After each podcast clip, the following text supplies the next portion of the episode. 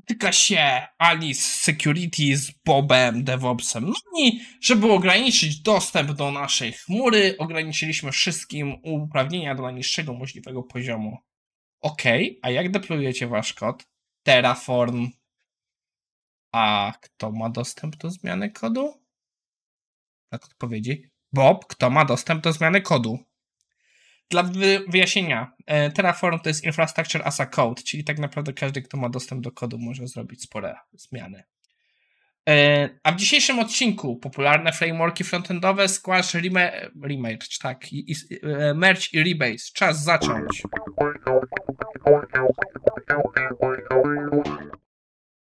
Cześć, nazywam się Maciej Wyrodek, a to jest odcinek na 19 sierpnia 2022.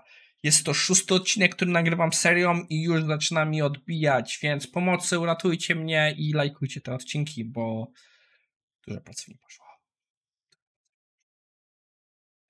No więc nie mam nic więcej do powiedzenia. E, zaczynamy. Naszym pierwszym materiałem na dzisiaj jest materiał nadesłany przez Pawła D. Dzięki Paweł za nadesłanie tego, bo to ciekawa też lista.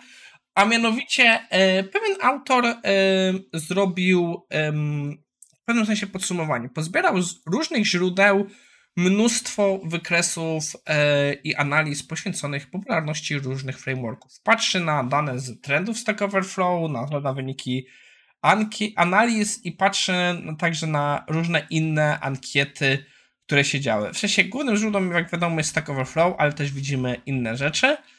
E, nie będę przechodził w te dane surowo. To jest dużo danych do analizy ale autor y, też podsunął na początku, y, w sensie tam później są jakieś dyskusje jeszcze, bo użytkownicy do paru rzeczy się odnosi, że coś im nie do końca się zgadza, ale z tego co wiem, autor te rzeczy naprawiał. Y, ogólnie podsumował, że React jest by far obecnie najpopularniejszym frameworkiem slash biblioteką. E, przynam się szczerze, nie chcę wchodzić w dyskusję, czy framework, e, czy React jest frameworkiem, czy biblioteką.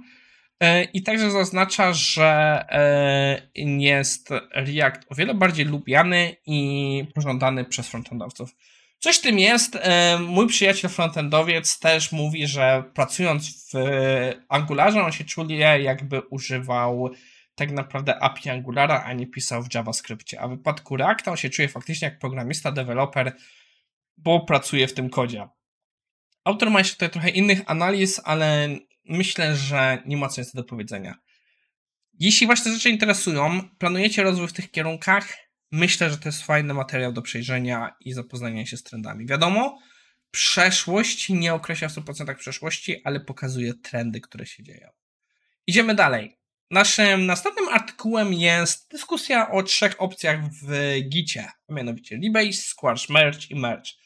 Jest to w pewnym sensie powrót do tematu, bo w pewnym, bo dawno, dawno temu e, robiliśmy IT słówka, gdzie omawiałem różne słówka ze świata IT.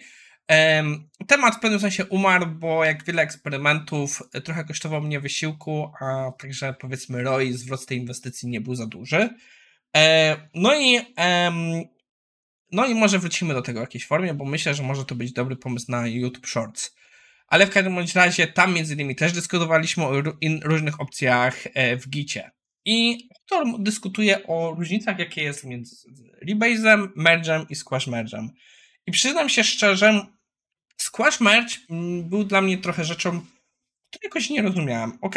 Teraz częściej z niego korzystam w pracy, ale do niedawna, no tak pół roku, rok temu, e, nie korzystałem z tego i wręcz myślałem, że taka zmiana jest problematyczna z powodu w gicie, a okazuje się, że jeśli pracujemy na, e, na e, branchach, to nie jest aż tak problematyczne. Tak długo jak nie robimy różnych branch od branchy i tak dalej. O co chodzi? E, autor też fajnie pokazuje, jak działa Rebase.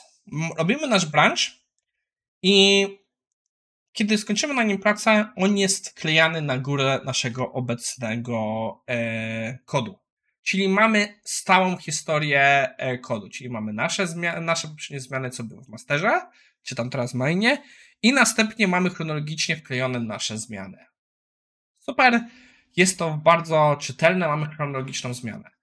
E, normalny merge działa tak, że e, mamy nasze, mamy nasze zmiany, zmiany w masterze i one są po prostu sklejane w jedną kupę, więc na historii e, gałęzi to mamy po prostu te zmiany w pewnym sensie w historii na przemian, tak jak były robione. E, no i później mamy na szczycie commit, który jest złączeniem obu historii w jedną całość. A Squash Merge działa tak, że po prostu te nasze e, zmiany wszystkie, które zrobiliśmy, robi w jednym komicie i narzuca na górę. Fajnie o tym wiedzieć, przydaje się. E, Squash Merge jest chyba obecnie, przynajmniej jak rozmawiam ze znajomymi, najczęstszym sposobem e, merge'owania branchów do mastera, więc warto o tym wiedzieć.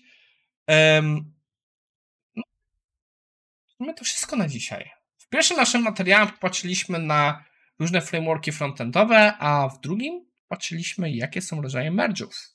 Znowu, warto tego wrócić też do czasu. To wszystko na dzisiaj i widzimy się. Nie, tu się nie widzimy. Dzisiaj jest piątek. Widzimy się w poniedziałek.